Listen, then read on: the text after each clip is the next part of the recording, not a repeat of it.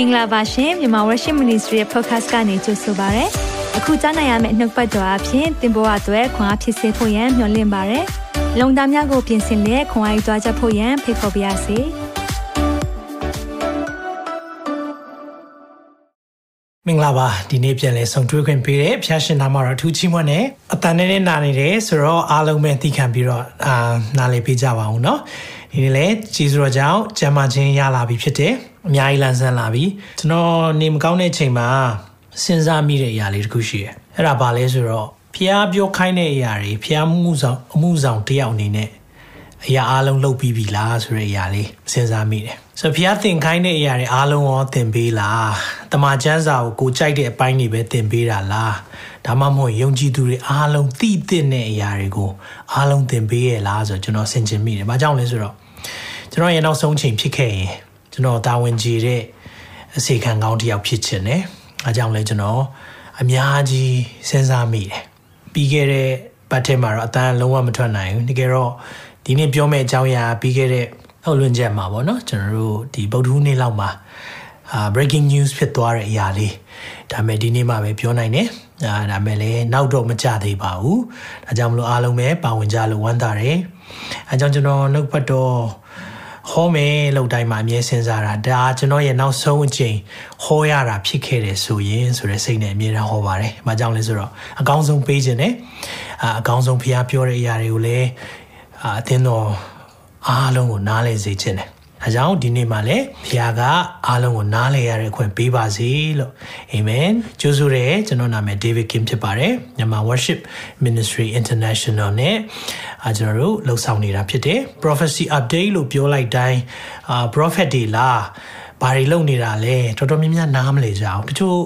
ရုပ်တရက်နားထောင်တော့လေနိုင်ငံရေးတွေပြောနေတာလားစသဖြင့်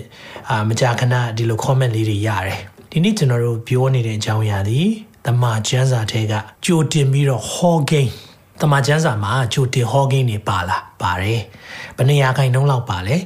25ရာခိုင်နှုန်းလောက်အနည်းဆုံးပါတယ်အဲ့ဒါကိုဘယ်လိုခေါ်လဲဆိုတော့အနာဂတ်တိကျမ်းစကားများလို့ခေါ်တယ်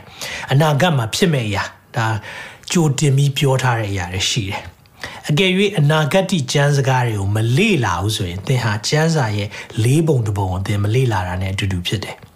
ဒါကြောင့်ကျွန်တော်တို့အနာဂတ်ဒီကျမ်းစကားတွေနဲ့ရှေ့မှာဖြစ်မဲ့အကြောင်းအရာတွေကိုတမန်ကျမ်းစာကကျွန်တော်တို့တွေသိဖို့ရန်အတွက်ကြိုပြီးပြောထားပြီးသားဖြစ်တယ်။ဒါကြောင့်ကျွန်တော်ဒါတွေကိုပုပ္ပနမိတ်လက္ခဏာတွေမျက်မှောက်ရေးရာတွေဖြစ်ပျက်နေတဲ့အရာတွေနဲ့ချိန်ထိုးပြီးတော့ဒီအစီအစဉ်ကိုပြုလုပ်ပေးတာဖြစ်တယ်။ဆိုတော့တော်တော်များများကတော့အခုနောက်ပိုင်းမှာ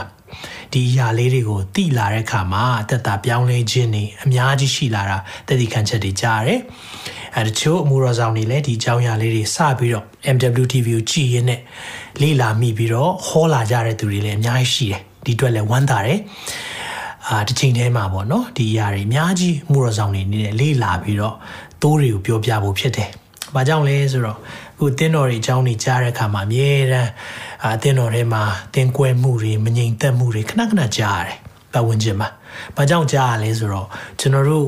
တမန်ကျမ်းစာထဲမှာပြောတဲ့အကြောင်းအရာလေးထဲမှာပါပါလဲဆိုတော့နောက်ဆုံးသောကာလရဲ့လက္ခဏာတစ်ခုကအသင်ခွဲခြင်းဖြစ်တယ်ဆိုတော့နောက်ဆုံးသောကာလမှာလူတွေကကိုယ့်အလိုလိုက်ပြီးတော့ကိုကြိုက်တဲ့ဆရာနောက်လိုက်မယ်ဒါမျိုးတွေဖြစ်လာတဲ့အခါမှာတော့အာအများကြီးကွဲပြားမှုတွေဖြစ်နိုင်တယ်ဖြစ်လဲဖြစ်နေတယ်ဖြစ်လဲဖြစ်အောင်မယ်ဒါတွေကအံ့ဩစရာတော့မဟုတ်ဘူး ဒါပေမဲ့တမန်တရားကိုသိထားရင်တော့သင်အသက်တာမှာအများကြီးဆင်ခြင်မိလိမ့်မယ်။ဒါကြောင့်ကျွန်တော်ယုံကြည်ပါတယ်ဒီနှုတ်ကပတ်တော်အပြင်သင်ရဲ့သက်တာမှာဖခင်ကထူးခြားစွာနဲ့ဒီနေ့မှာစကားပြောပါစေ။ခဏလောက်ကျွန်တော်တို့အာနှုတ်ကပတ်တော်အတွက်အနံ့ရအောင်အသက်ရှင်တော်ဖခင်ကောင်းကင်နဲ့မြေကြီးမတည်တော်လဲငါစကားတည်လိမ့်မည်လို့ပြောခဲ့တယ်ဖခင် ကိုရောရဲ့စကားများကျွန်တော်တို့မျက်ဝါးထင်ထင်ကျွန်တော်မျက်စိရှိမှပြည့်စုံလာတာကိုမြင်တွေ့ခွင့်ပေးလို့ယေရှုတင်တယ်။ဒါတွေကိုတတိမမူကိုမမြင်မိပဲနဲ့ကြော်သွားတဲ့သူများမဖြစ်ပဲနဲ့ဝိညာဉ်တော်ကကျွန်တော်တို့ကိုနားလည်စေတဲ့ခွင့်ပေးပါ။ကိုရောရဲ့နှုတ်ပတ်တော်တမန်တရားကိုအကျွင့်မဲ့သွန်သင်ပြသပါ။နှုတ်ပတ်တော်ဒီနေ့ခံယူနေကြတဲ့သူအားလုံးပေါ်မှာဘုရားကနားလည်ရတဲ့ခွင့်ပေးပါ။ချိန်တိုင်းအားလုံးကိုအနံပါတယ်။နောက်ဆက်ပေးမယ်ဝိညာဉ်စုရဲ့လုပ်ရအားလုံးကိုလည်းယေရှုနာမ၌ဖေရှားပါ၏။ တပါးဒီတော်သားရမြတ်သခင်ရှုနာမ၌စက္ကန့်နဲ့ဆုတောင်းပါ၏ဖာအာမင်အာမင် နှုတ်ကပတ်တော်ဒီနေ့တမန်ကျမ်းစာပြည့်စုံချက်တွေဖြစ်နေတာက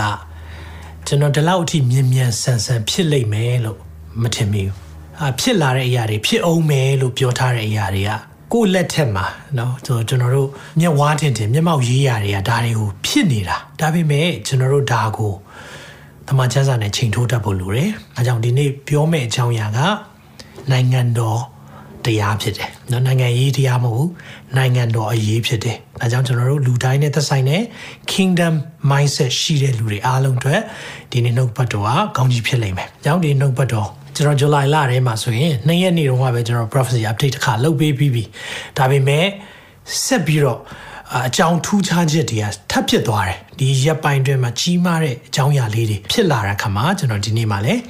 အတမန်ချန်းစာပြည်စုံချက်ဆိုပြီးတော့23ရက်ဇူလိုင်အနေနဲ့ပြန်ပြီးတော့ update လုပ်ပေးခြင်း ਨੇ ဆိုတော့ဒီနေ့3ပိုင်းပေါ့နော်3ပိုင်းပြောသွားမယ်အရေးကြီးတဲ့3ပိုင်းပေါ့နော်ဆိုတော့ကျွန်တော်တို့ရုရှားတူရကီနဲ့အီရန်တွေ့ဆုံတဲ့အကြောင်းအရာလေးဒါအရေးကြီးတယ်နောက်ပြီးအီရန်ကနျူကလ িয়ার လက်နက်ရှိနိုင်ပြီဆိုတဲ့အရာလေး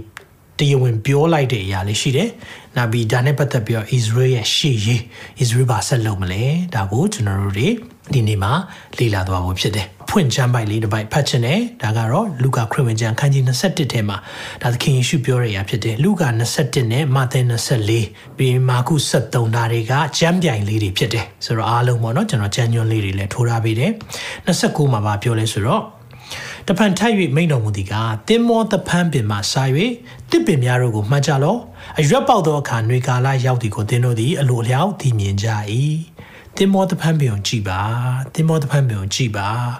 ဘာကိုပြောချင်တာလဲဣသရေလနိုင်ငံကိုကြည်ခိုင်းတာဒါပဲလားဆိုတော့မဟုတ်ဘူးဣသရေလနိုင်ငံနဲ့ တစ်ပင်များဆိုတာဘေးပတ်ဝန်းကျင်မှာရှိတဲ့နိုင်ငံတွေကိုကြည်ခိုင်းတယ်။နောက်ဒါသခင်ယေရှုကိုယ်တိုင်ပြောတာဖြစ်တယ်။ထိုနည်းတူထိုเจ้าရများဖြစ်သည်ကိုမြင်ရလဲ။ခြေနေတွေထူးခြားလာတာကိုမြင်နေဆိုရင်တဲ့ဘုရားသခင်နိုင်ငံတော်ဒီလူနည်းတွေကိုဒီမှာကြတော့ ငါမှန်ကန်ဆိုသည်က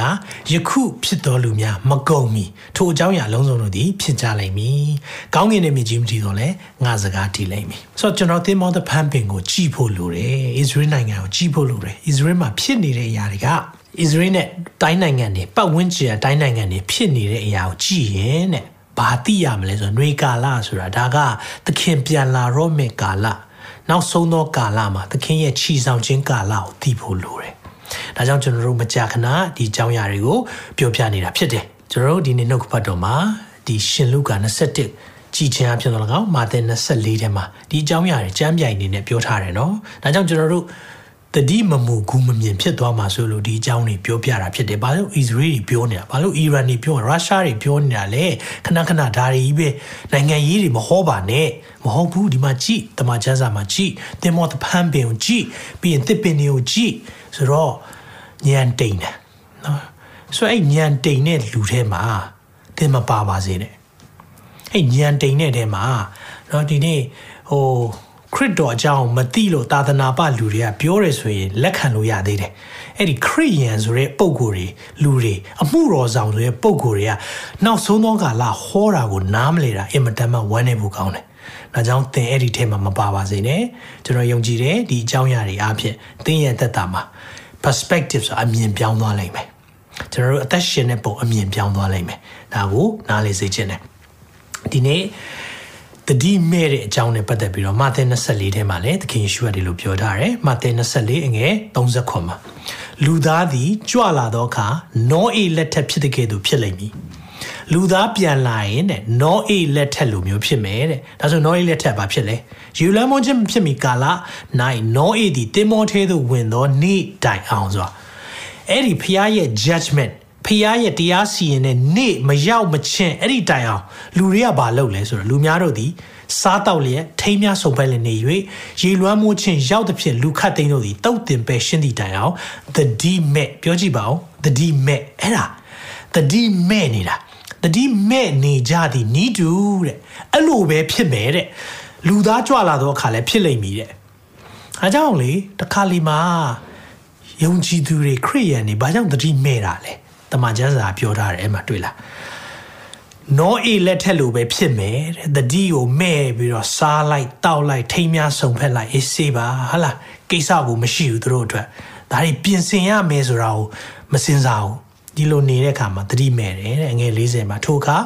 လေ၌ရှိသောသူနှစ်ယောက်တို့တွင်တယောက်ကိုသိမ်းယူ၍တယောက်မူကားနေရကြလက်တဲ့နှစ်ယောက်ရှိရင်တယောက်ပဲပါသွားမယ်တဲ့ကျိတ်ဆုံကျိတ်တဲ့သူအလုံးလုံးနေတာပေါ့နှစ်ယောက်ရှိရင်လည်းတယောက်ကြံခဲ့မယ်တယောက်ပါသွားမယ်သင်တို့အရှင်ဒီအဘယ်အချိန်၌ရောက်လာမည်ကိုသင်တို့မသိတော့ကြောင်းစောင့်နေကြလောသင်တို့အရှင်ဒီဘယ်အချိန်၌ရောက်လာမည်ကိုမသိတဲ့အခါမှာစောင့်ပါတဲ့အမြဲပြင်ဆင်ခိုင်းတာ ready ဖြစ်ခိုင်းတာတစ်ချိန် are you ready my question is are you ready ဒီနေ့ယုံကြည်သူတွေမ ready တာရောအယံဝမ်းနေတယ်တခါလေးမှလေ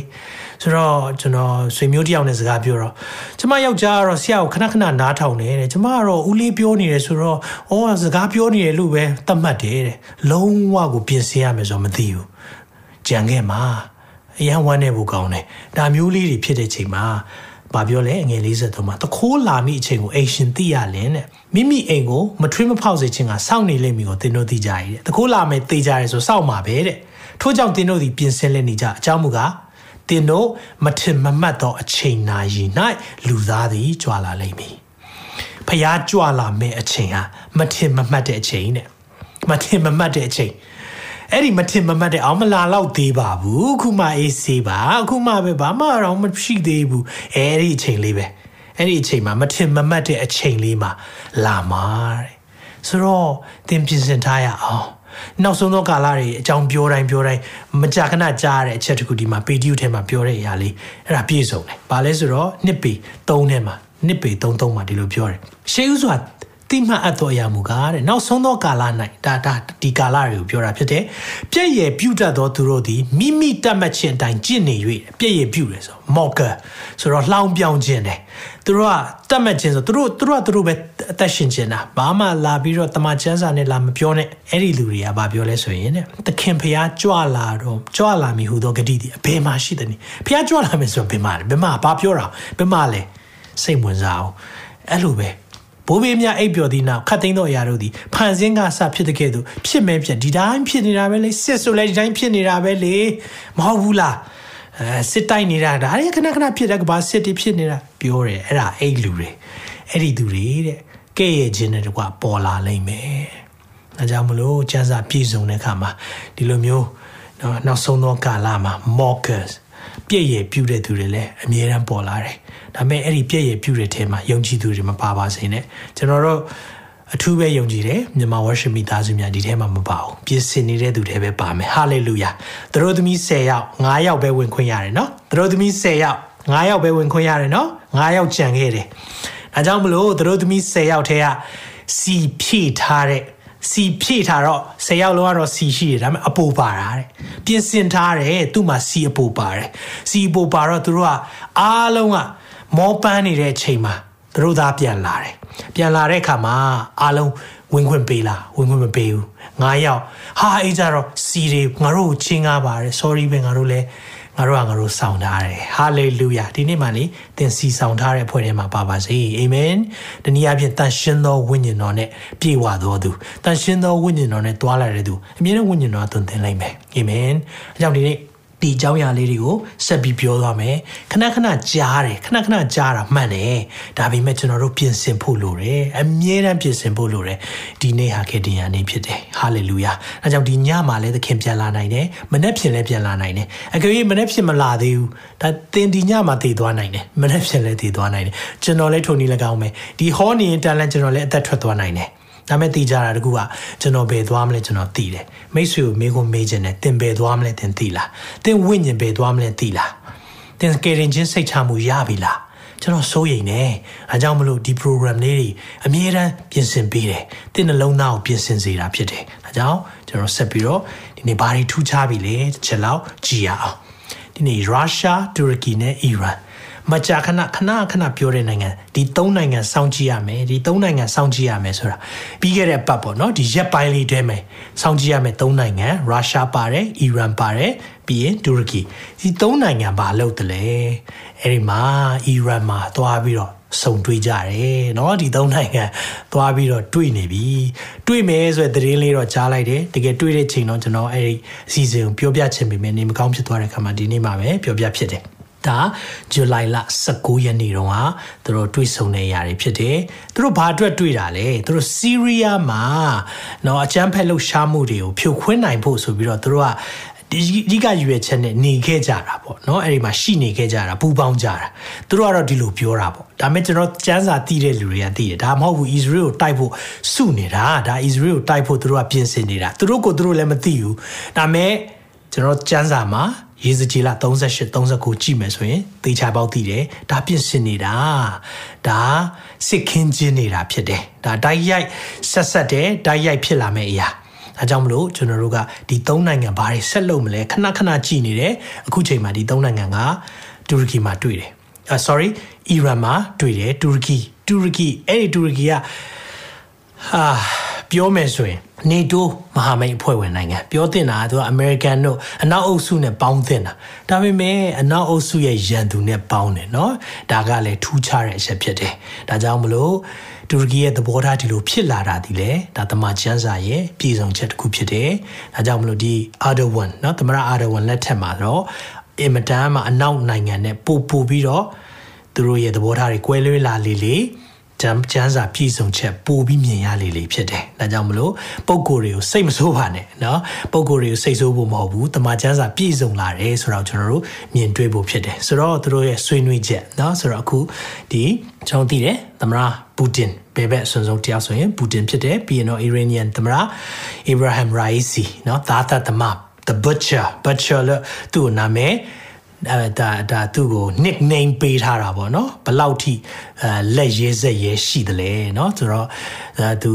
ဒါနိုင်ငံထဲမှာအရင်တော့ဆိုရင်ဒေါ်လာပုံကန်တဲ့သူတွေဒေါ်လာရေးနဲ့ပတ်သက်ပြီးလုပ်တဲ့အရာတွေကိုသူကအများကြီးအာဂျိုးမိန်ပေးခဲ့တာတွေပါတယ်လုပ်ခဲ့တယ်ဆိုတော့တာသက်သမားဖြစ်တယ်ပြီးရင်တော့အခုဒီမှာ တူရကီသမရရဲ့အရှိဆုံးဒီပညာဖက်ဆုံးတယောက်ဖြစ်တယ်ဆိုတော့ကြည့်တဲ့အခါမှာတော့ Erdogan ဆိုတော့သူသူ့ရဲ့သဘောထားဘာနဲ့တူလဲဆိုတော့ Muslim Brotherhood ဆိုတာနော် Egypt နိုင်ငံတော့က Egypt မှာအရင်တော့ဒီပါတီ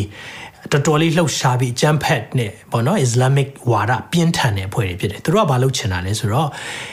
Islamic Caliphate ဆိုတာကတော့ Islamic Empire ပြန်ပြီးတည်ထောင်ချင်တာဖြစ်တယ်ဆိုတော့ဒီရဲ့သဘောထားတွေကိုဒီ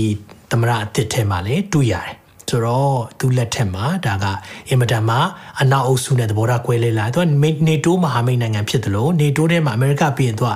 ဥရောပမှာဆိုရင်တော့ဒါအင်အားအကြီးမားဆုံးထဲမှာရှိတယ်ဆိုတော့အင်အားကြီးတယ်သူသူသူလက်နက်တွေเนาะသူမှာအင်အားစစ်အင်အားကြီးတဲ့အခါမှာသူ့ကိုလည်းအရန်တတိထားရမယ်ဆိုတော့ तू ကဆီးရီးယားထဲမှာလည်း तू ကလှုပ်ရှားခြင်းနေပြီအခုကြည့်တယ်အမေရိကန်ရဲ့အခြေအနေကိုကြည့်တယ်အမေရိကန်ရဲ့ အားနည်းချက်တွေကိုမြင်တဲ့အခါမှာပူတင်ကလည်းစလှုပ်ရှားတယ်ယူကရိန်းကိုစတိုက်တယ်ဆိုတော့အခုဆီးရီးယားထဲမှာလှုပ်ရှားမှုတွေကိုအာဒိုဝမ်ကအရန်တူရကီကလှုပ်ရှားခြင်းနေပြီဒါတွေကိုသူတို့ကဆွေးနွေးနေဒါပဲမဟုတ်ဘူးသူတို့ဆွေးနွေးတဲ့အထဲမှာလည်းပေါ့နော်တချို့ကောင်းတဲ့အရာလေးတွေဖြစ်သွားတဲ့အရာလည်းရှိတယ်ကျွန်တော်ပြီးရင်ပြောပြမယ်ဒီမှာ India India Time တင်ပါတယ်เนาะဒီဒီဥစ္စာ India Time မှာဘာပြောလဲဆိုတော့ဒီရဲ့အာဒီပြောလိုက်တဲ့သတင်းကောင်းစဉ်ကအာတမာ ကျန်းစာပြည်စုံချင်းကိုနည်းနည်းလေးပေါ်ပြတဲ့အရာလေးဖြစ်လို့ကျွန်တော်ဒါလေးကိုဆွဲထားတယ်ဆိုတော့ partnership of Russia ဆိုတာ Russia ရဲ့ Iran ရဲ့ Turkey ရဲ့ပေါင်းတာကတဲ့ a new world order has begun တဲ့နော်ဆိုတော့ new world order new world order ဆိုတာနော်ကမ္ဘာမှာအာအုပ်ချုပ်မှုစနစ်အသစ်အုပ်ချုပ်မှုစနစ်အသစ်ဒါကိုဒါဘာကိုအာခြေလန်းလှမ်းလဲဆိုတော့ antichrist ကျွန်တော်တို့သိတယ်ခုနှစ်နှစ် နော်လာမဲ့ဒီ antichrist ရဲ့အုပ်ချုပ်မှုစနစ်ကိုဥတည်နေတဲ့အရာလေးတွေဖြစ်နေတယ်ဒါကိုမြင်တွေ့နေရပြီ new world order has begun ဆိုတော့เนาะဆိုအမေရိကကလည်းသူ့ရဲ့အာဏာမှိမ့်မိန်လာတယ် ဘိုင်ဒန်လည်းသမရကပြည်တွင်းထဲမှာလည်းကင်တွယ်မှုမလုပ်နိုင်ဘူးစီစေးတွေကုန်စည်နှုန်းတွေခေါင်ခိုက်တယ်သူရဲ့အာဒီ sorry သွားတဲ့ခီးစဉ်ကလည်းအောင်မြင်တဲ့ပုံမျိုး sorry ကိုစီအများကြီးထုတ်စေချင်တယ်။ဘာကြောင့်လဲစီစေးကြသွားအောင်လို့ဖြစ်တယ်။ဘာကြောင့်လဲ November လ election ကြရင်ပြန်နိုင်ခြင်းတယ်။စသဖြင့်ပေါ့နော်သူရဲ့လှုပ်ရှားမှုတွေအများကြီးရှိပေမဲ့အခြေအနေသိပ်ထူးပုံမပေါ်ဘူး။ဘာကြောင့်လဲတမန်ကျမ်းစာကတော့ပြောထားပြီးပြီ။ဒီအရာတွေကဖြစ်ကိုဖြစ်ရမှာ။ဒါကြောင့်အခုဒီရဲ့ partnership တွေ alliance တွေเนาะဆိုတော့ Russia, Iran, Turkey တွေဒီရဲ့ပေါင်းတဲ့အရာတွေက new world order ဖြစ်လာဖို့ เนาะဒါစပြီဆိုပြီးသတင်းကောင်းစင်ကပြောတာเนาะဆိုတော့သတင်းကောင်းစင်နေရတော့မှကြိုပြီးပြောနေပြီဒါကြောင့်တစ်ခါလေကျတော့အာကျွန်တော်ယုံကြည်သူတွေကပြောင်းလဲချိန်တန်ပြီเนาะတစ်ခါလေကျတော့ပါတီတွေကစာရေးပေးရတယ်ပြောင်းလဲချိန်တန်ပြီပြောင်းလဲချိန်တန်ပြီဆိုကျွန်တော်ကြည့်ပြီးတော့သဘောကျတယ်ဘာသဘောကျအောင်သိလားဩယုံကြည်သူတွေကိုပြောနေတာငါတို့အသင်းတော်တွေပြောင်းလဲချိန်တန်ပြီเนาะဆရာသမားတွေပြောင်းလဲချိန်တန်ပြီခရိယန်တွေပြောင်းလဲချိန်တန်ပြီတခါလေမှကျွန်တော်တို့အပြင်လောကကလူတွေကကိုယ်ကိုလာပြီးတရားဟောနေ ရเนาะအခုဒီမှာလဲကြည်ပါ New World Order တွေဖြစ်လာမယ်တဲ့ဆိုတော့ Iran မှာသွားတွေ့တယ်ဆိုတော့ရုရှားကထူးထူးခြားခြားပဲရုရှားသမ္မတကခီးသိမ့်မသွားဘူးသူဒီအထူးသဖြင့်ယူကရိန်းကိုသူတိုက်ပြီးကြတဲ့ခီးကမသွားသလောက်ပဲသွားတော့ကလည်းဒီအရင်တော့ဆိုဗီယက်ယူနီယံလက်အောက်ကနိုင်ငံတွေပဲသွားတာပေါ့နော်ဆိုတော့အခုကျတော့အီရန်ကိုသွားတာထူးခြားတယ်ဆိုတော့အဲ့ဒီမှာဘာတစ်ခုလှုပ်ချင်တာလဲဆိုရင်တော့ ဒီမှာအီရန်က drone ဆိုတာအီရန်ကဒီ suicide drone လို့ခေါ်တယ် attack drone ပေါ့နော်ဒီ drone တွေကပောက်ကွဲစေနိုင်တဲ့အားတွေပါတယ်အဲ့လိုမျိုးပေါ့နော်ဒုံးကျည်ပုံစံပေါ့သူတို့ကသုံးလို့ရတဲ့ဒီ drone တွေပေါ့နော်မောင်းသူမဲ့ drone ဆိုတာတော့မောင်းသူမဲ့ အာလေးငယ်လေးတွေပေါ့နော်အဲ့ဒါလေးတွေ ਨੇ လှုပ်ဖို့ရန်အတွက်သတင်းတွေမှာဗာပြောလဲဆိုတော့ဒီမှာရေးထားတာ BBC ဘာမစ်တွေယူထားတာဖြစ်တယ်ယူကရိန်းစစ်ပွဲမှာတုံးဖို့အီရန်ကတဲ့ရုရှားကိုယာနဲ့ချီတဲ့ drone တွေထောက်ပံ့ပေးဖို့စီစဉ်နေတယ်လို့အမေရိကန်အရာရှိတွေကပြီးခဲ့တဲ့သတင်းပတ်ကဆွဆွဲပြောဆိုထားတယ်တဲ့ဆိုတော့အီရန်ဆိုတော့အခုကနိုင်ငံတကာစာမျက်နှာမှာနေရာကျက်နေတယ်လေနော်ရုရှားဘယ်မှသူမှမျက်နှာမရပိတ်ဆို့မှုတွေရှိအဲ့လိုဖြစ်တော့သူလဲပေါင်းရတာပေါ့ပေါင်းရတော့ ထူးဆန်းတာကဒီအဖွဲ့တွေကတယောက်နဲ့တယောက်တဲ့လာတာတော့မဟုတ်ဘူးဆိုတော့ရုရှားနဲ့အီရန်လည်းချစ်လာတာတော့မဟုတ်ဘူးအီရန်နဲ့တူရကီလည်းချစ်လာတာတော့မဟုတ်ဘူးဒါပေမဲ့စကားပုံတစ်ခုကြားဘူးလားဟွန်း uh my my enemy enemy is my friend ဆိုရှိတယ်ဆိုတော့အတိတ်ပဲပါလဲဆိုတော့ငါရန်သူရဲ့ရန်သူဟာတဲ့ငါမိတ်ဆွေဖြစ်တယ်တဲ့ဆိုတော့သူတို့တွေအားလုံးမှာရန်သူကတွားတူနေတာတခုရှိရဲ့ Israel ဖြစ်တယ် ဆိုတော့ငါရန်သူရဲ့ရန်သူအနောက်အုပ်စုဖြစ်နေဆိုတော့သူတို့အဲ့ဒါကြောင့်ပေါင်းလို့ရတာသူတို့တယောက်နဲ့တယောက်လည်းတိတ်ကြည်လာတာတော့မဟုတ်ဘူးဆိုတော့အထူးသဖြင့်ဆိုတူရကီဆိုရင်လည်းသူက drone တွေကိုယူကရိန်းကိုရောင်းထားသေးတယ်ဆိုတော့အဲ့လိုရောင်းထားတော့ရုရှားနည်းနည်းတော့တင်းတယ်အာဒါတော့ဘယ်လိုဖြစ်တာလဲပေါ့နော်သူ့ဘက်ပါတယ်လို့လို့ ਨੇ ဟိုဘက်မှာလည်းစီးပွားရေးကလုံနေကြဒီလိုပဲပေါ့နော်နိုင်ငံရေးဆိုတာတော့ဒါပေမဲ့သူတို့တယောက်နဲ့တယောက်တော့အဲ့တော့ နှစ်မြုပ်လာတာမဟုတ်ပေမဲ့ဘာကြောင့်တွဲနေကြလဲဆိုရင်တော့အရေးကြီးတာပါလဲဆိုတော့သူတို့မှာဘုံရန်သူရှိတယ်ဆိုတော့တမန်ကျမ်းစာအရဆိုရင်ကျွန်တော်သိတယ်ဒါ Israel နိုင်ငံကိုတိုက်ဖို့စုနေတာဖြစ်တယ်เนาะဆိုတော့ဒါလေးကိုလည်းတွေ့ရတယ်ဆိုတော့ drone နေပို့မလားဒါနောက်ပိုင်းကျရင်ကျွန်တော် update ရှိရင်ပြန်ပြောပြပေးမယ်ဆိုတော့အဲ့ဒီထဲမှာသူတို့အာတူရကီကရုရှားနဲ့တွေ့တဲ့အကြောင်းရင်းတစ်ခုကတော့ရုရှားက ဂျုံနဲ့ဆန်စပားတွေပေါ့နော်ဒီယူကရိန်းကတင်ပို့တဲ့အရာတွေကိုပိတ်ထားတာဒါတွေကိုဖြေလွတ်ပေးဖို့တူရကီကလည်းကြားဝင်ပြီးစိတ်ဆက်ပေးတာရှိတယ်ဆိုတော့ပြီးခဲ့တဲ့နိုင်ပိုင်းလောက်ကပဲဒါမကြသေးဘူးပေါ့နော်ဒီဒါနိုင်ပိုင်းလောက်ပဲရှိအောင်ပဲဆိုတော့သူတို့ကအာဒီသဘောတူညီချက်တစ်ခုရသွားတယ်အဲ့ဒါဘာလဲဆိုတော့ယူကရိန်းနိုင်ငံကနေတင်ပို့မဲ့ဒီဂျုံရည်ဆန်တွေ grain လို့ခေါ်တာပေါ့နော်ဂျုံဆန်တွေကို ခွင့်ပြုလိုက်ပြီသူတို့ဒီပင်လယ်နက်ထဲကနေတဆင့်တင်ပို့တဲ့ဥစ္စာတွေကိုပိတ်ထားတာရုရှားဒါပေမဲ့အဲ့ဒါကိုအခုကခွင့်ပြုလိုက်ပြီဆိုတဲ့အားလေးပေါ့နော်ဒါကဒါနဲ့ပတ်သက်ပြီးတော့သူကရက်120ဆိုတော့3လလောက်သူတို့ကသဘောတူညီချက်လုပ်ထားတယ်အကယ်၍အဆင်ပြေတယ်ဆိုရင်တော့ automatic ဒါနောက်ပိုင်းဆက်ပြီးတော့တင်ပို့သွားမယ်ဆိုတာတွေ့ရတယ်ဆိုတော့ရုရှားကဒီသဘောတူညီချက်တွေမှာယူကရိန်းကနေဒီ grain ဒီဒီဂျုံဆန်တွေတင်ပို့လာတဲ့တင်မောတွေကိုသူတို့ကအာ target ဆိုတာပြစ်လို့မရဘူးလို့စသဖြင့်ပေါ့နော်နောက်ပြီးရင်တူရကီကလည်းအဲ့ဒီထဲမှာအာယူကရိန်းကလက်နက်တွေများတင်မလားဆိုတာလေသူတို့ကစစ်ဆေးပေးမယ်စသဖြင့်ပေါ့နော်ဒီလိုအချက်အသေးစိတ်လေးတော့မပြောတော့ဘူးဒါလေးတွေပါတယ်ဆိုတော့ဒါလေးတွေပါတော့အခုဒါကဘာကြောင့်အရေးကြီးလဲဆိုတော့ဒီဂျုံဆန်တင်ပို့မှုပိတ်လိုက်တဲ့အခါမှာဥရောပတစ်ခုလုံးအပြင်ကိုဒီယူကရိန်းကနေ ဒီဂျုံဆန်တွေကိုတင်ပို့နေတဲ့နိုင်ငံတွေတော်တော်လေးအခက်အခဲဖြစ်သွားတယ်ဆိုတော့ဘာကြောင့်လဲဆိုတော့ယူကရိန်းရုရှားကဂျုံဆန်ကမ္ဘာရဲ့စားနပ်ရိက္ခာရဲ့၃ပုံတစ်ပုံလောက်သူတို့ကတင်ပို့နေတာဆိုစဉ်းစားကြည့်နော်အခုပိတ်လိုက်တဲ့အရာနဲ့စစ်ဖြစ်တဲ့အရာတွေကြောင့်အများကြီးကုန်စည်နှုန်းတွေကျွန်တော်တက်သွားတယ်ဒါတွေကိုတွေ့ရတယ်ဆိုတော့ဒီအနောက်နိုင်ငံတွေမှာကုန်စည်နှုန်းတွေစတက်လာတယ်ဘာကြောင့်လဲစစ်ဖြစ်လို့เนาะစစ်ဖြစ်ပြီးတော့အဲ့ဒီမှာ အာတင်ပို့ကုန်တွေပို့ကုန်တွေကိုပိတ်ဆို့ကြတာဖြစ်တဲ့အတွက်ကြောင့်ဒါမဲ့ဒါလေးကအခုထူးခြားတာပေါ့နော်သူတို့တွေ့တဲ့အထဲကကောင်းတဲ့အရာလေးတခုတော့ထွက်လာတယ်မကောင်းတာကတော့သူတို့ဒီစီးရီးယားထဲမှာလှုပ်ရှားမဲ့ကိစ္စတွေပြောနေကြတဲ့အရာတွေကတော့မကောင်းဘူးပေါ့နော်အဲဒါမဲ့ ဒီမှာကြည့်လိုက်တယ်ဆိုရင်တော့အဲ့ဒီမှာအာ food crisis ဆိုတာเนาะတူရကီကဒီကိစ္စတွေကြားဝင်ပြီးတော့အများကြီးပြောတဲ့အရာရှိသူတို့လည်းလိုအပ်တာ ਉਹ เนาะဆိုတော့လိုအပ်တဲ့အခါမှာဒါရုရှား ရုရှားကဒီကိစ္စကိုသဘောတူတယ်ဆိုတဲ့အရာလေးကိုနောက်ဆုံးတွေ့ရတယ်ဆိုတော့ယူကရိန်းရဲ့ဒီဂျုံဆန်တင်ပို့မှုတွေကိုအာလက်ခံပြီးတော့ပေါ့နော်နိုင်ငံထဲမှာ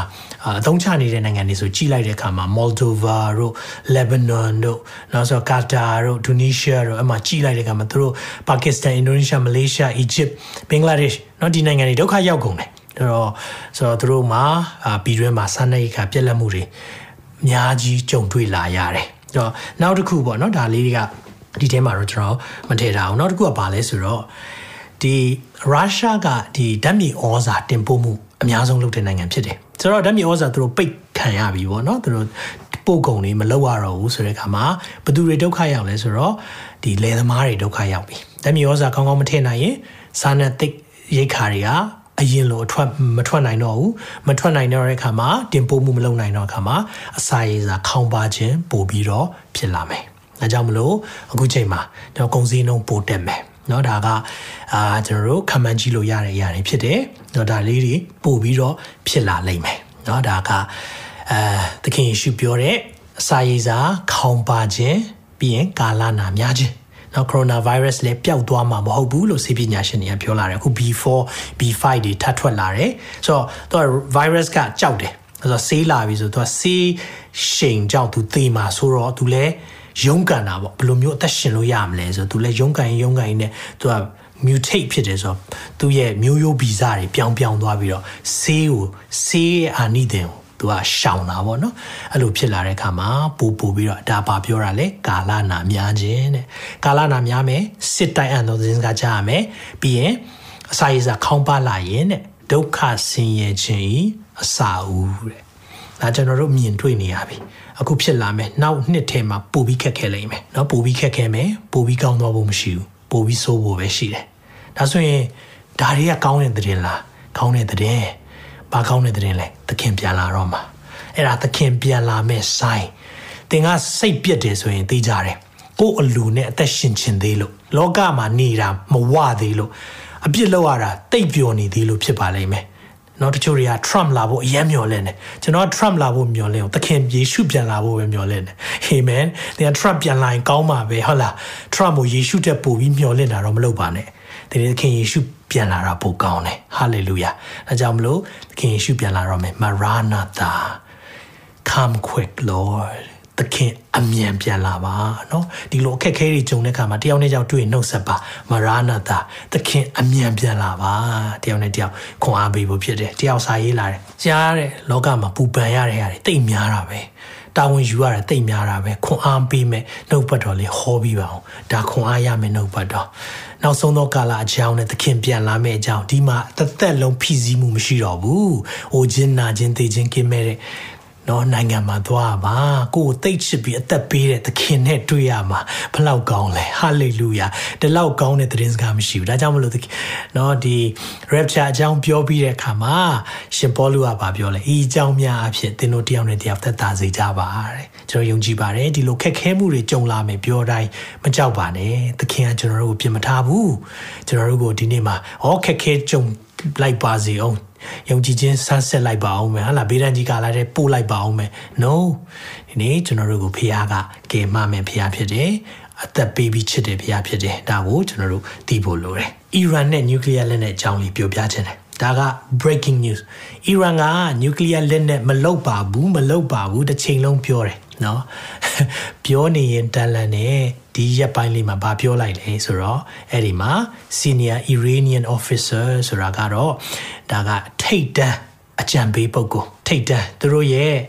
ဒီအီရန်ရဲ့ထိတ်တန်းအကြံပေးပုဂ္ဂိုလ်ကဗာပြောလိုက်လဲဆိုတော့အီရန်ကတဲ့နျူကလ িয়ার ဘုံပေါ့နော်လောက်ဖို့ရန်အတွက်အဆင်သင့်မယ်တဲ့ဒါပေမဲ့တဲ့လောက်လောက်ရမလားမလောက်ရဘူးလားဆိုတာတော့မဆုံးဖြတ်ရသေးဘူးတဲ့ဟာသာလည်းပြောသွားတယ်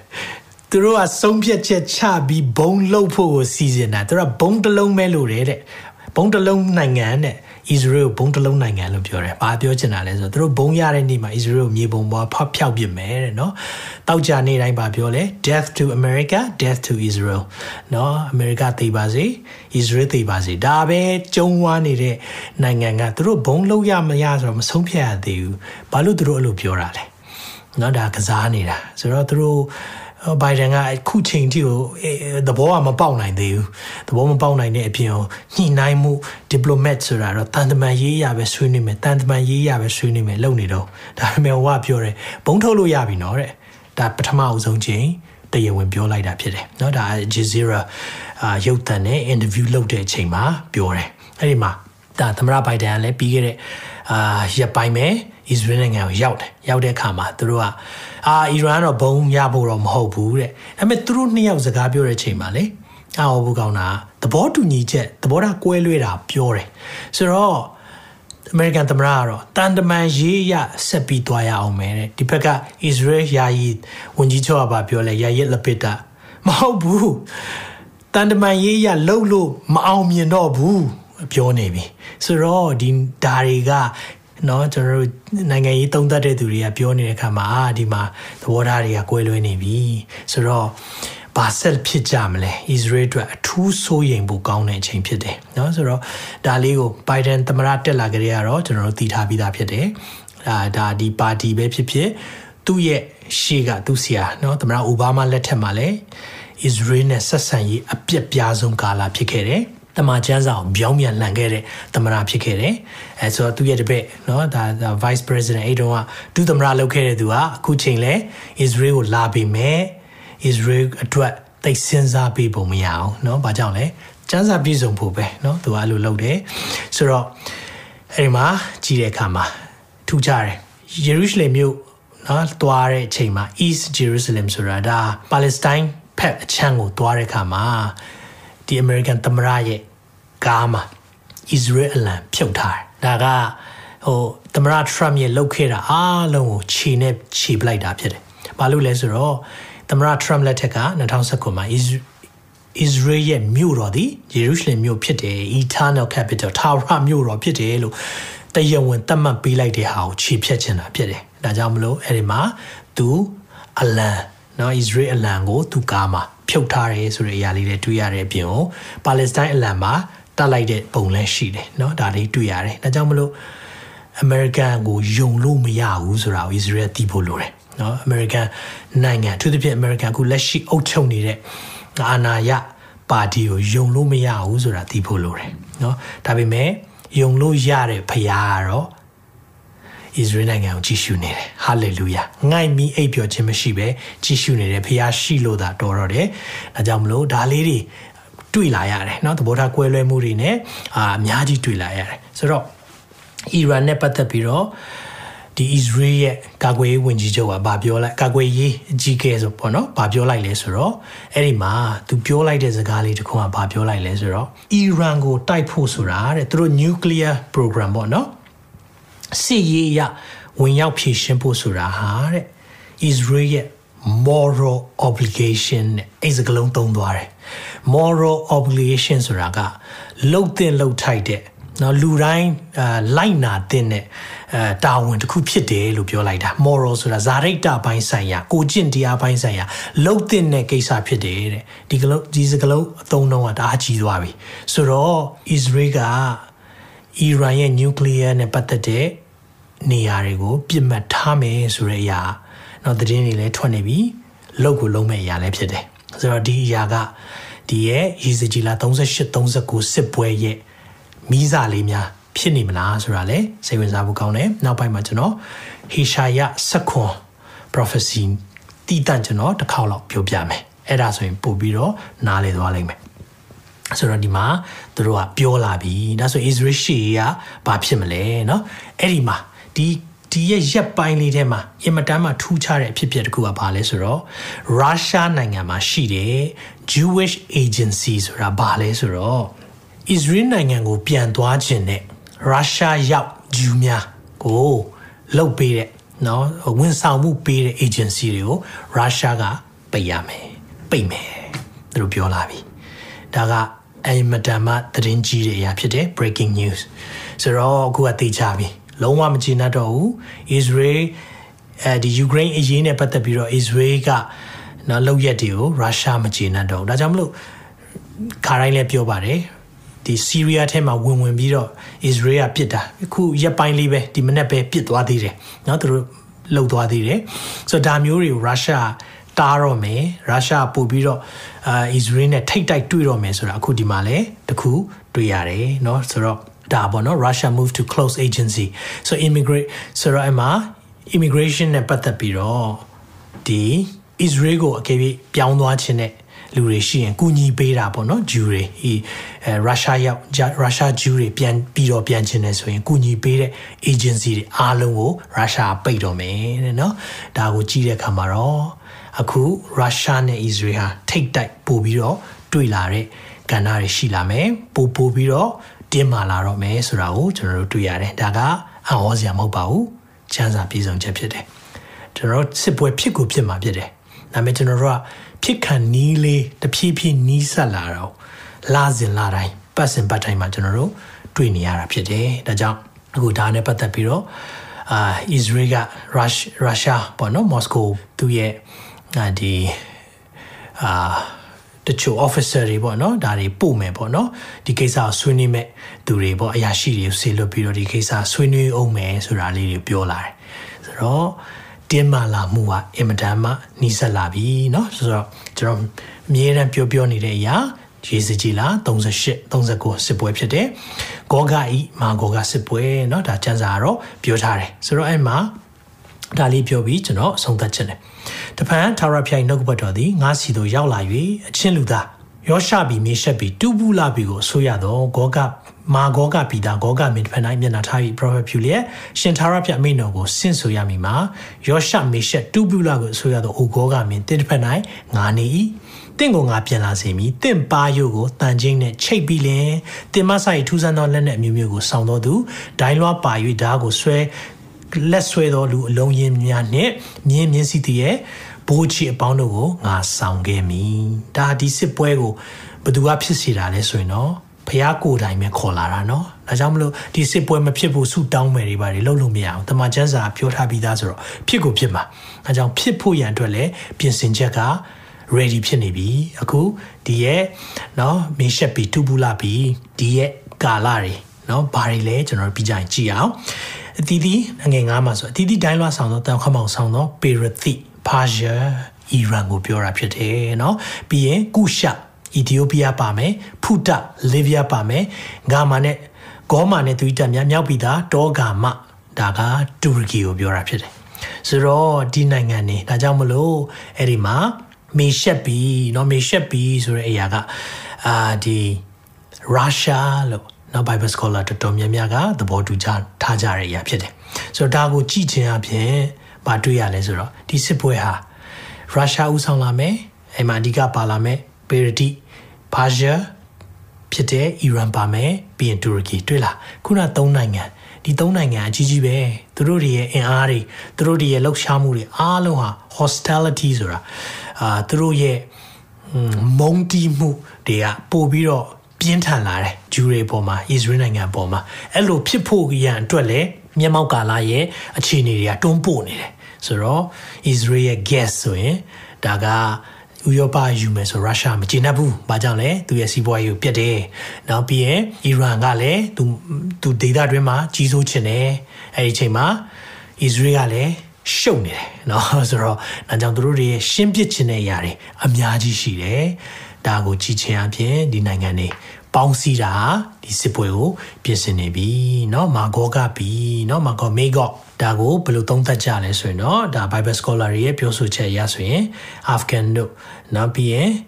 ဒီမှာရှိတဲ့ Kyrgyzstan တို့ဒီ stan နိုင်ငံတွေငါးနိုင်ငံလောက်ပါတဲ့နိုင်ငံတွေပါကောင်းပါနိုင်တယ်လို့ခံမှန်းကြတယ်ဒါပဲမဟုတ်ပါဘူးဒီမှာပါမဲ့အရာတွေเนาะပြီးတော့မေရှက်ပြီးတူဘူးလာပြီးเนาะဒေါဂါမ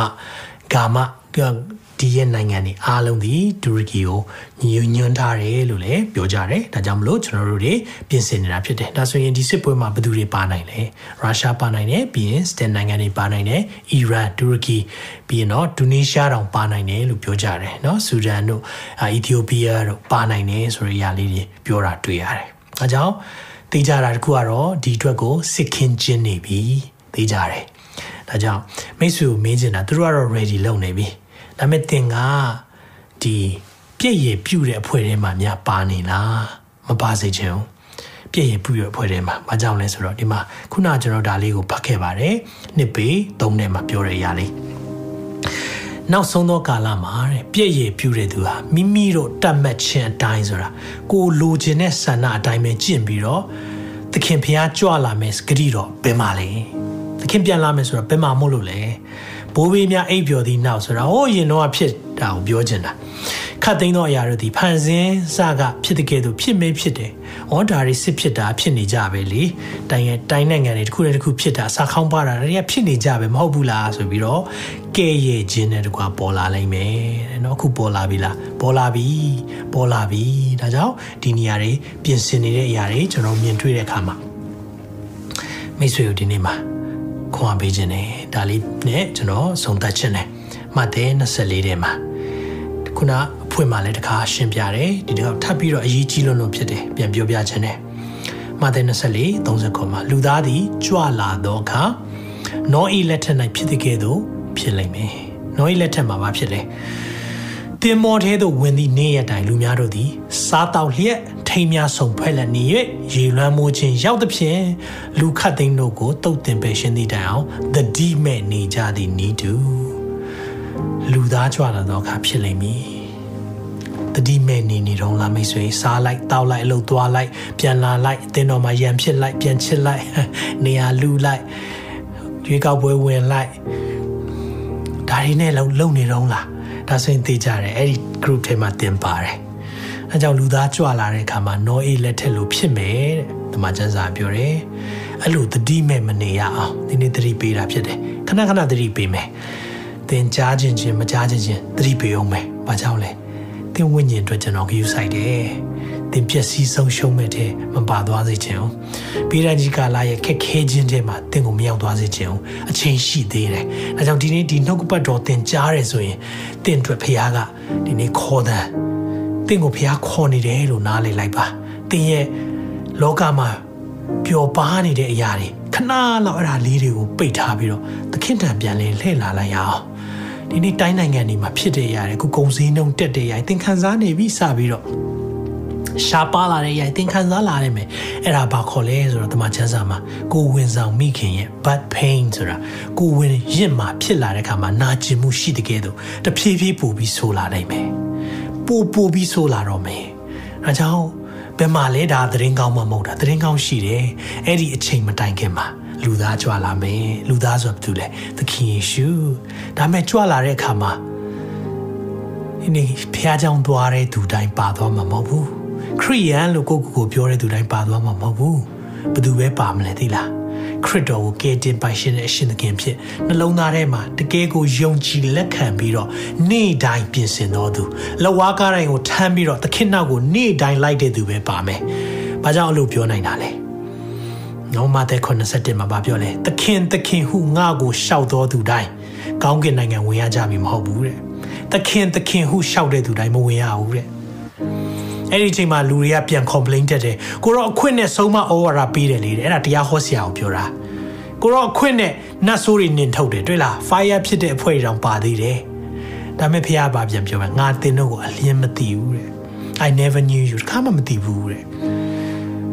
ဘာကြောင့်မသိတာလဲ ဖះတပည့်တော်ပဲဖြစ်ချင်တာတပည့်တော်ကျွန်တော်တို့တပည့်တော်ခရစ်တော်နောက်လိုက်တဲ့သူတွေကိုယ့်ရဲ့အလိုဆန္ဒကိုညှင်းပယ်ပြီးတော့သွားတဲ့သူတွေအဲ့ဒီသူတွေပဲဖခင်ကဒီနေ့ပြန်လေသိသိမှာအဲကြောင့်သင် ready ဖြစ်ပြီလားမဖြစ်သေးဘူးဆိုဒီနေ့အသက်တာမှာနောင်တရလေစက်ကပ်ပါသင်ကိုဖခင်သိချစ်တယ်ဒါအောင်နားလဲစေချင်တယ်ဒါကြောင့်ဒီနေ့သင်ရဲ့အသက်တာကိုသခင်လက်ဝင်နဲ့အနံ့ချင်တယ်ဆိုကျွန်တော်ဆုတောင်းပေးခြင်းတယ် သင်သိတယ်ကျွန်တော်ပြောဟောနေတဲ့အချိန်မှာသင်သိတယ်ကောင်းမလေးတယောက်ဆိုသူကနားထောင်နဲ့တောက်လျှောက်မှာမျက်ရည်မျက်ခွက်နဲ့နားထောင်တယ်။ဘာကြောင့်လဲ။ကျွန်တော်စကလုံးကသူ့ကိုနာကျင်စေတာမဟုတ်ဘူး။တန်ရှင်သောဝိညာဉ်တော်နှလုံးသားကိုထိတွေ့သွားတာတိုးထီသွားတာကျွန်တော်ယုံကြည်တယ်ဒီနေ့မှလည်းသင်ရဲ့နှလုံးသားဖွင့်လှစ်တဲ့အရာဖခင်ကဒီနေ့စကားပြောမယ်ဆိုတော့ယုံကြည်တယ်။ဒါကြောင့်ကျွန်တော်ဆုတောင်းပေးပါရစေ။သင်ဒီနေ့မှခရစ်တော်နဲ့ပြန်လည်ပြီး တင်မြတ်ခြင်းရရလို့ရဆိုရင်ဖခင်နဲ့ပြန်လဲပြီးတော့ peace လုပ်ချင်တယ်ဆိုရင်ဒီနေ့ဟာကေတရားနေ့ဖြစ်တယ်မနေ့ဖြစ်မဆောင်ပါနဲ့တပတ်ခါမဆောင်ပါနဲ့အာအချိန်ရှိသေးတယ်ငယ်သေးတယ်မလုပ်ပါနဲ့သင်ဒီနေ့ဟာသင်ရဲ့နောက်ဆုံးနေ့ဖြစ်ကောင်းဖြစ်နိုင်တယ်အဲကြောင့်ကျွန်တော်ရှေ့ကနေဆုတောင်းပေးမယ်သင်အကယ်၍ခရစ်တော်ကိုကယ်တင်ပိုင်ရှင်နဲ့ရှင်သခင်ဖြစ်နှလုံးသားထဲမှာလက်ခံခြင်းနဲ့ဆိုကျွန်တော်နောက်ကနေလိုက်ပြီးဆုတောင်းပါကိုယ့်ရဲ့စလုံးစကလုံးကဲ့သို့ရွတ်ဆိုပေးပါ အားလုံးပဲဒီနေ့ဆုတောင်းရအောင်သခင်ယေရှုခရစ်တော်ဘုရားကျွန်ုပ်ဟာအပြစ်သားဖြစ်ပါတယ်ဒီကနေ့မှာအပြစ်အလုံးအတွက်နောင်တရပါတယ်သခင်ရဲ့နေ့ရဲ့နေ့ချောင်းကိုဒီကနေ့မှာနားလဲပါပြီဇာတိနဲ့ဇာတိဆန်စွာအသက်ရှင်ခြင်းအလုံးကိုဒီကနေ့မှာရပ်တန့်ပြီးတော့သခင်အသက်ရှင်စေလိုတယ်အသက်တာအတိုင်းသွားဖို့ရန်ဆုံးဖြတ်ပါတယ် ဝိညာဉ်တော်ဖျားမာဇာပို့ဆောင်ပါသခင်ယေရှုနာမ၌ဆုတောင်းပါ၏ အာမင်ဟာလေလုယာသင်ဒီဆုတောင်းချက်ကိုတောင်းနေဆိုရင်သင်ရဲ့အသက်တာမှာဒီနေ့ ready ဖြစ်နေတာသခင်ကြိုက်တဲ့ချိန်ပြန်လာကြိုက်တဲ့ချိန်မှာ ready ဖြစ်တယ်ဟာလေလုယာအဲကြောင့်မလို့ကျွန်တော်ယုံကြည်တယ်သင်နဲ့သင်မိသားစုကယ်တင်ခြင်းရဖို့သင်နဲ့သင်မိသားစုချီဆောင်ခြင်းထဲမှာပါဖို့ရန်အတွက်တကယ်မျှော်လင့်နေဒါကြောင့်မလို့အသက်တာကိုပြင်ဆင်ရအောင်နေ့တိုင်းမှာသခင်ပြန်လာနိုင်တယ်ဆိုတာကိုသိရှိပြီးတော့လောကရာတွေအတွက်အသက်ရှင်ခြင်းမဟုတ်ဘဲနဲ့တန်ကြီးပိုးရွမဖြတ်စည်းနိုင်တဲ့ ကောင်းကင်ရာအထက်ရာအတွက်အသက်ရှင်ရအောင်။ဒါကြောင့်မလို့ဘေးကိုကြည်တာစိတ်ပြည့်ရဲ့အထက်ကိုကြည်ပါမိတ်ဆွေကိုဘုရားကောင်းချီးပေးပါစေဒီနှုတ်ကပတ်တော်အဖြစ်သင်ရဲ့သက်တာမှာအထူးပဲပြင်ဆင်ခြင်းရရှိပါစေလို့ဒီညကနေဆုတောင်းပေးပါရယ်။နောက်ထုတ်လွှင့်ချက်မှာပြန်လည်ဆုံတွေ့ပါအောင်မယ်။ တင်ခုလိုနာဆင်ခွန်အားနိုင်ခြင်းဟာမြန်မာ Worship Ministry ကိုလာဆင်ပန်ပိုးနေကြတဲ့ Kingdom Partners များအကြောင်းဖြစ်ပါတယ်။ဖျားခင်နိုင်ငံတော်ကျယ်ပြန့်ရေးအတွက်လာဆင်ပေးကမ်းပောင်းဖို့ရန်ဖိတ်ခေါ်လိုပါတယ်ရှင်။